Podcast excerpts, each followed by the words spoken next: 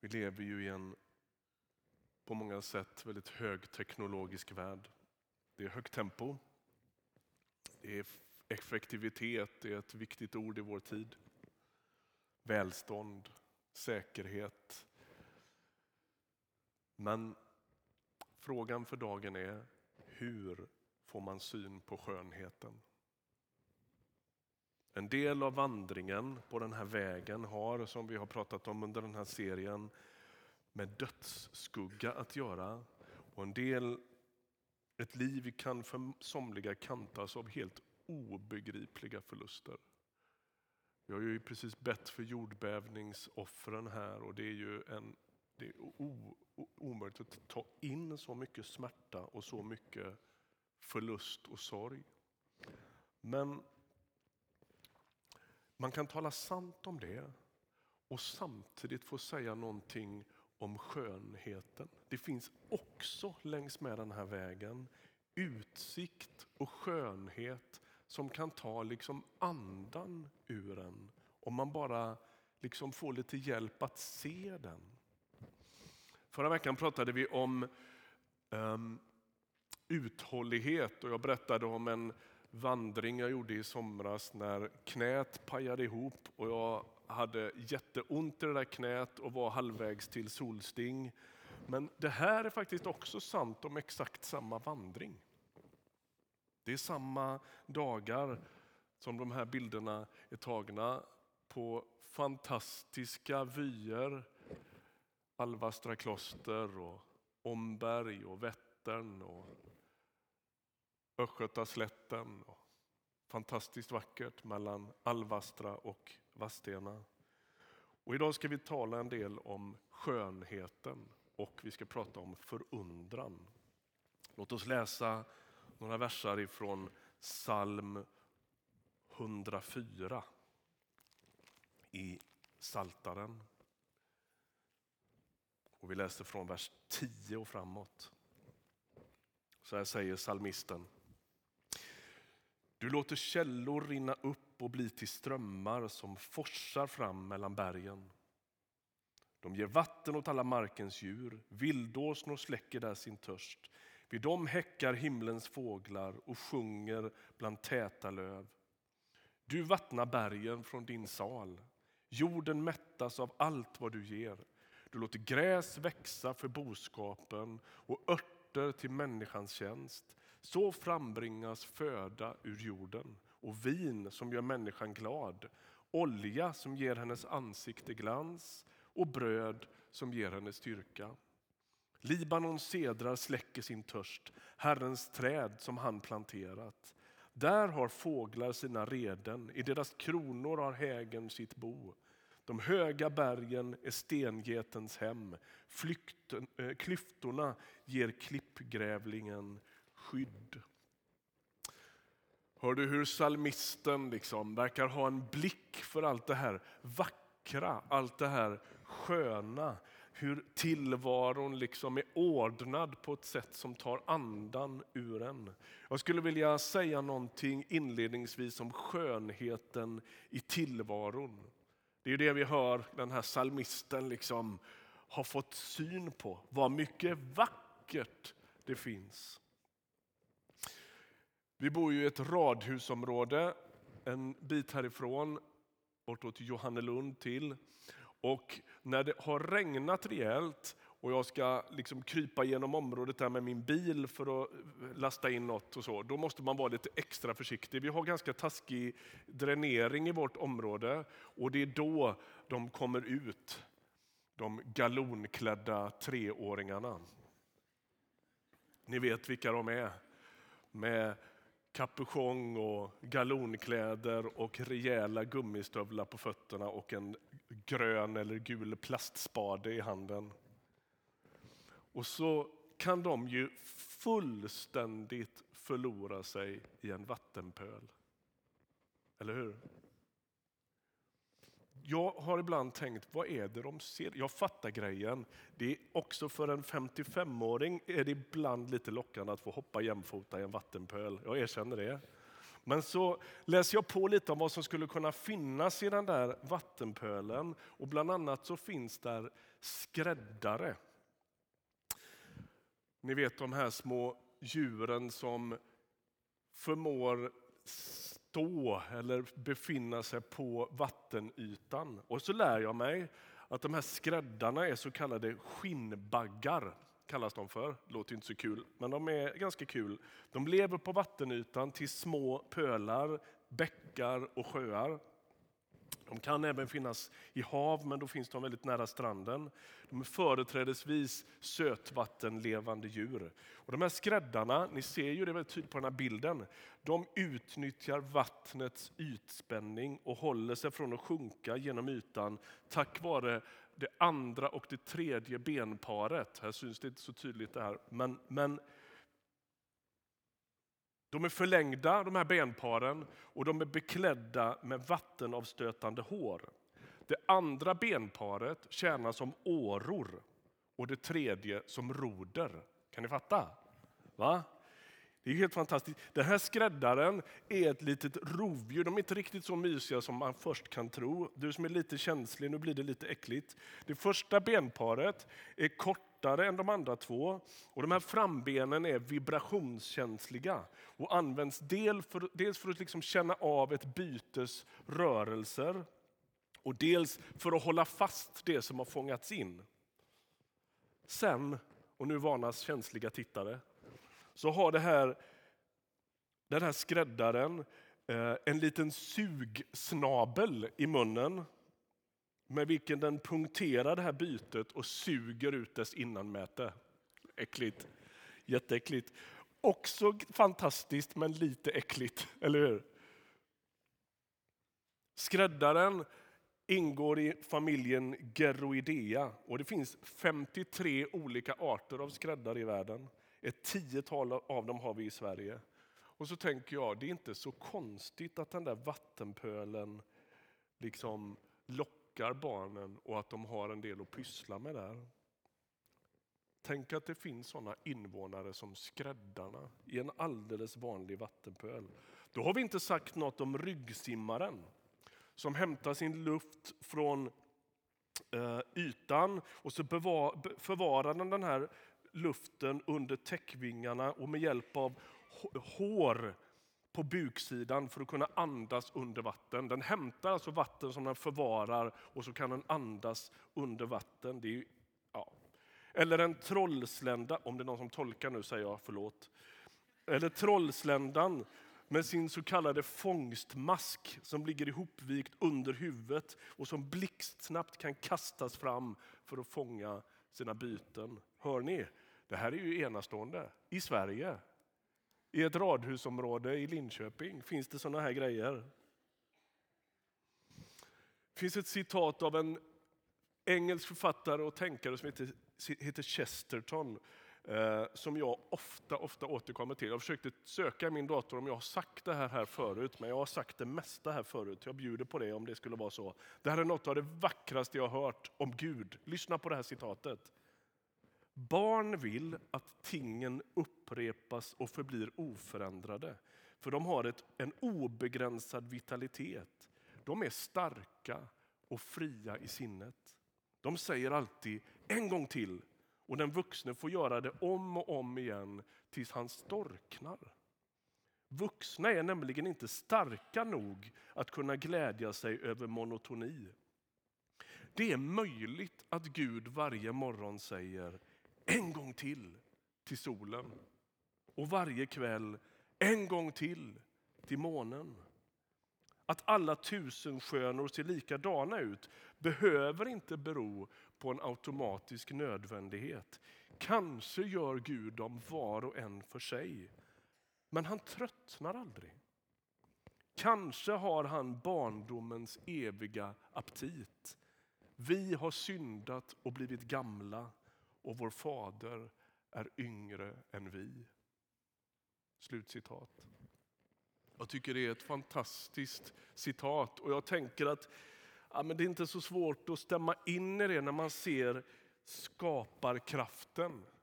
Det är något med det här liksom fullständigt gränslösa skapandet där Gud bara liksom vräker ur sig skönhet som är fantastiskt. Min gode vän Daniel Röjås han skrev en bok för några år sedan som heter Helt liv. Och där beskriver han, eller gör han en definition på förundran. Han, kallar, han säger så här. Förundran är en skärpt eller fördjupad uppmärksamhet inför något oväntat underbart som man aldrig räknat med. Men i den stund man möter det känner man igen det som något man längtat efter hela sitt liv. Fint. Den stressade nutidsmänniskan behöver ibland på den här livsvandringen liksom lyfta blicken från stenarna, gruset, håligheterna och utmaningarna och liksom bara titta på utsikten.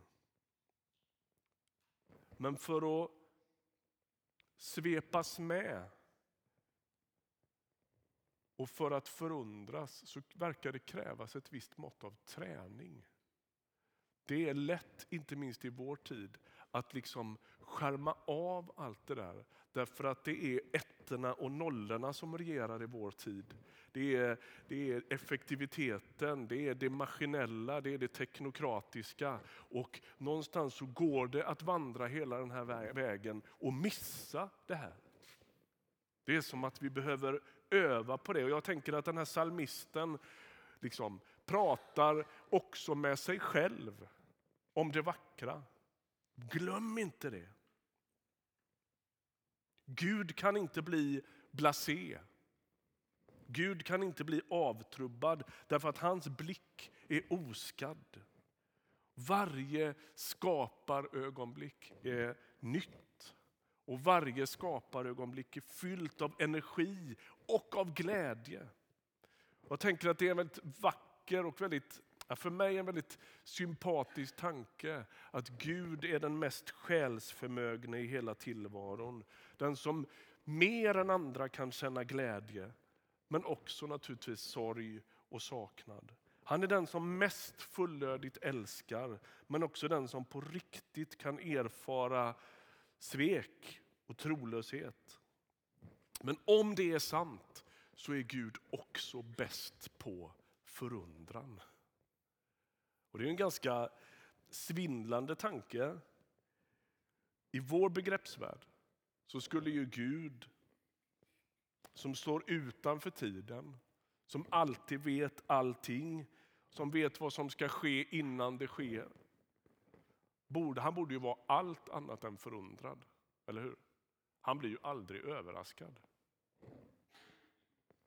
Men det är som att det här citatet av Chesterton hjälper oss att se att Gud i sin syndfrihet, Gud i sin helighet är bättre på lek, skaparglädje och förundran än någon människa kan vara.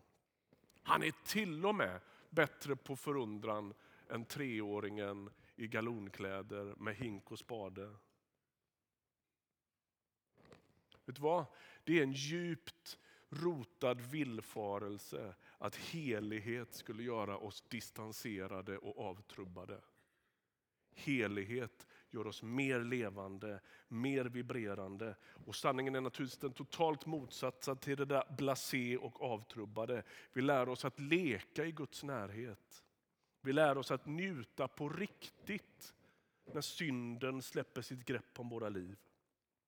Och vi lär oss förundran när jakten och stressen och en massa andra destruktiva makter allt mer förlorar kontrollen över vårt inre. Är ni med? Var ni med på vad jag sa inledningsvis? Vi går på den här vägen och vi är så jagade, vi är så stressade och vi är så på väg hela tiden så att vi inte ser det här. Och det är när det släpper greppet om oss som vi plötsligt börjar finnas här. Det är som att ett av vår tids största bristord är närvaro.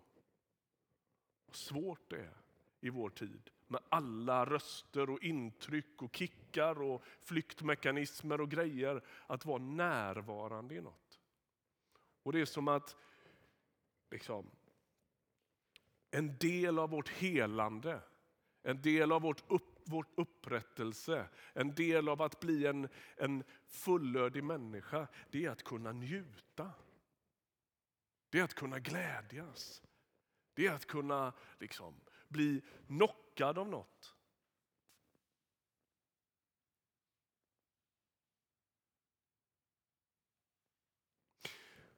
Okej, okay, så om det första delen idag handlar om skönheten i tillvaron, låt mig också få säga några ord om skönheten i evangeliet. Det är min andra, liksom, mitt andra spår. Eller det andra jag tänker vi ska få syn på. Lyssna på den här bibelversen från Saltaren 50. Från Sion, det fullkomligt sköna, träder Gud fram i glans. Gud är all skönhetskälla. Han skapar vackra saker. Vitsipsbackar, regnskogar, bergsmassiv och stjärnevärldar. Inte endast för att han kan saker, utan också för att han själv är fullkomlig skönhet.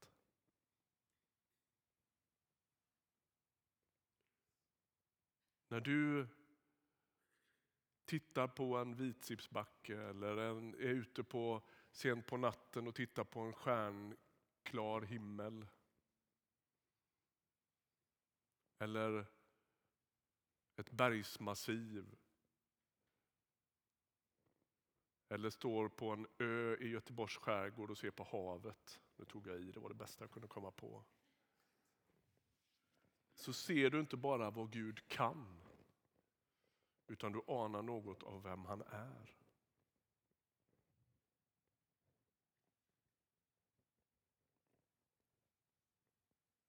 Man skulle kunna vända på det gamla teodicéproblemet. Om du just hörde ett ord du aldrig hört förut så är teodicéproblemet handlar om om Gud finns och är allsmäktig, hur kan det då finnas så mycket smärta och så mycket ondska? Det är den stora liksom, grubbel, grubbelfrågan genom mänsklighetens historia. Men man skulle kunna vränga teodicéfrågan ut och in och ställa denna fråga. Om Gud inte finns, var kommer då all skönhet ifrån? Författaren och prästen Anders Piltz han har sagt så här. Varför finns det alls något och inte snarare ingenting? Hur kan människan skapa, älska, bygga, vara trogen, visa barmhärtighet, skriva musik om ingen källa till allt detta existerar? Berättelsen om Guds handlande i världen är också den full av skönhet. Jesus föds ju förvisso i enkelhet och utsatthet och det finns liksom ett, en aura av brutalitet runt Jesu intåg i världen. Men det där har också med härlighet och skönhet att göra. När Jesus föds så är en här av änglar närvarande. Som sjunger. Hur låter det? När änglarna från himlen stämmer upp i stämsång. Hur är det? Det är som att Guds handlande genom världen eh, inte nödvändigtvis ska räknas ut eller, eller eh, här, kartläggas utan dess djupaste ärende är att fylla dig och mig med häpnad. Guds handlande fyller gång på gång människor i Bibeln med häpnad och med förundran. Och inför skönheten, inför renheten och inför heligheten faller människor ner på sina ansikten i tillbedjan. När de liksom uppfattar att Gud är fullständigt annorlunda. Eller det man med Bibelns begreppsvärld kallar helig. Han är annorlunda än något annat. Men när han agerar i världen så är det också det, det, det är ett slags kännemärke av du vet, samma kreativitet som krävs för att göra det här. Är med när Gud handlar i världen. Det är vackert och det är skönt och det är breathtaking. Vad säger vi på svenska? Det tar andan ur en. Lyssna på vad Jesus själv säger om Guds handlande i världen. Kapitel eh, eh Lukas 10 och 21 står det så här. Då har, då har lärjungarna kommit tillbaka efter att ha varit utsända två och två och predikat och grejat och eh, kastat ut demoner och grejat. Och då står det i vers 21 så här, i samma stund fylldes han, alltså Jesus, med jublande glädje genom den helige ande och sa, jag prisar dig Fader, himlens och jordens Herre, för att du har dolt detta för de lärda och kloka och uppenbarat det för dem som är som barn. Ja, Fader, så har du bestämt. Ser du hur sonen i treenigheten, till och med han fylls av någon slags, wow! Trots att han vet allt, trots att han är en del av den här planen så bara, tänk att du valde att rädda världen på det här sättet. Vilken, vad sinnrikt, vad tjusigt, vad, vad, vad enastående vackert. Så småningom visar sig Jesus för lärjungarna efter uppståndelsen och då faller de ner inför honom. Och när lärjungen Thomas möter den uppståndne Jesus och får sticka fingrarna i hans sår så utropar han min Herre och min Gud. Ett sädesfält på Östgötaslätten kan fylla oss med förundran. Men det som händer här är att Guds handlande i världen gör människor smått stumma. What? Är det möjligt? Gud bryter djävulens och syndens och dödens makt och plötsligt står Jesus här mitt ibland oss. Det, det, det går ju inte, men han är ju här i alla fall. Och så faller de liksom ner i vördnad och i tillbedjan och de ropar min Herre och min Gud. Enastående.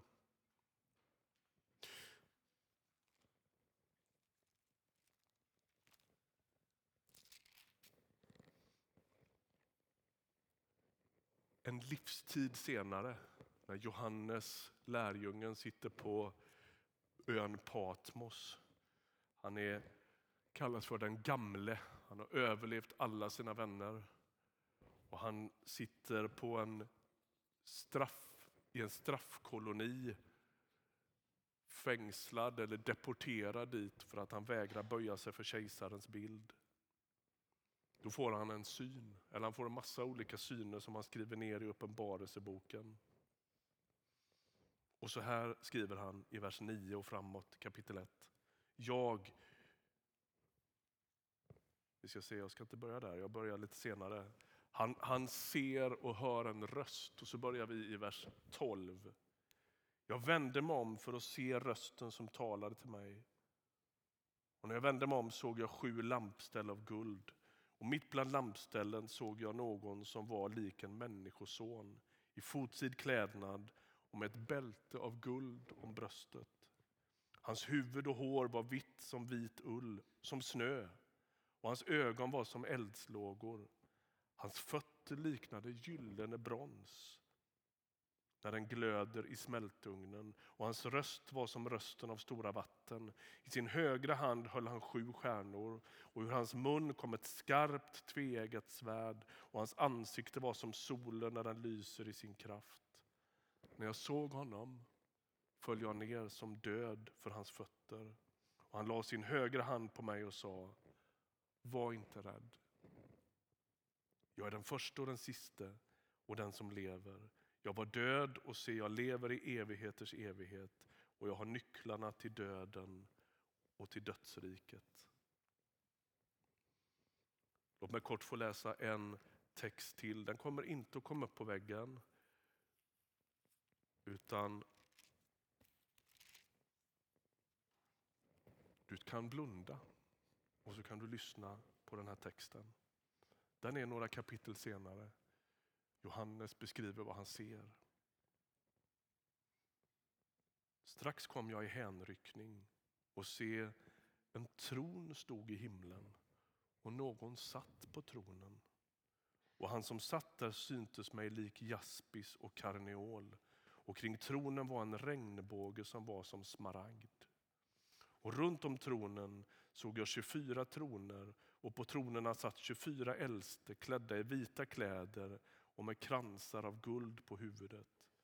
Från tronen kom det blixtar och dån och åska och sju facklor brann framför tronen. Det är Guds sju andar.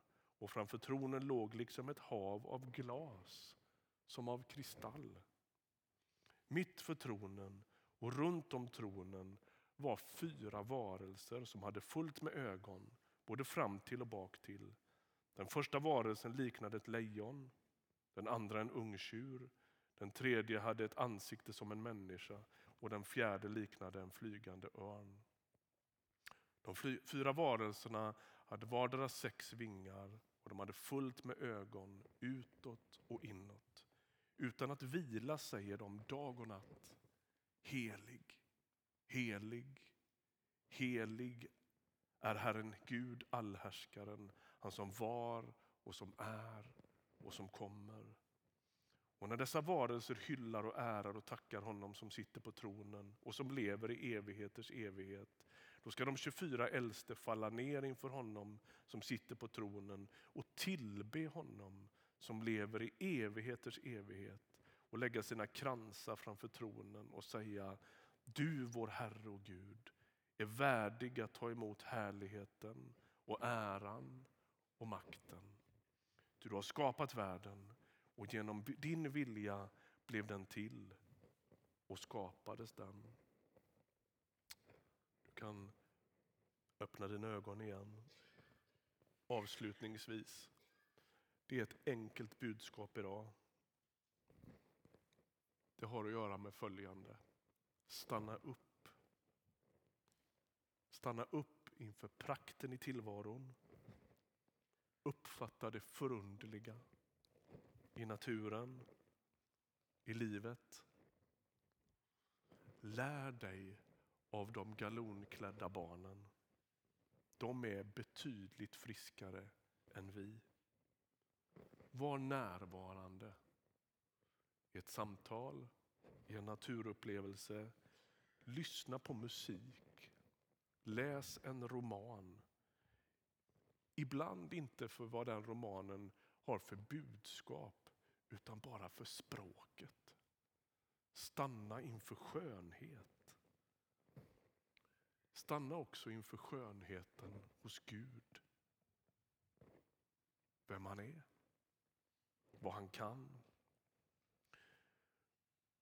Umgås med berättelserna om hur Gud på ett sätt som ingen kunde förutse väljer att rädda världen. Och bli sedan en förundrans smittbärare. Peka efter bästa förmåga på skönheten personifierad. Det skulle kunna vara ett annat sätt att beskriva vår kristna kallelse.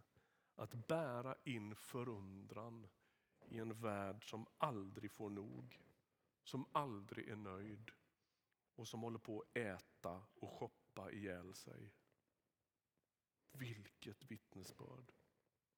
Vilken motkultur. Att i Jesu namn säga wow. Vi ber tillsammans.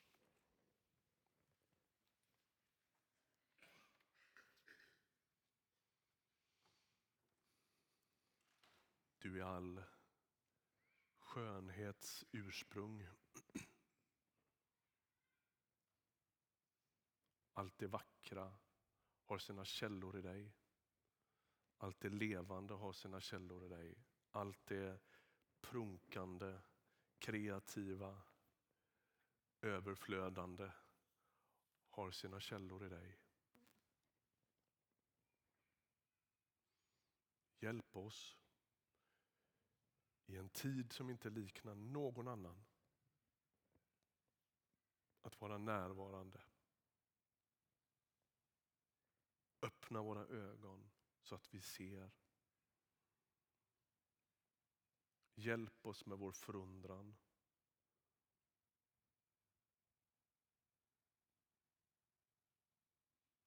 I Jesu namn. Amen.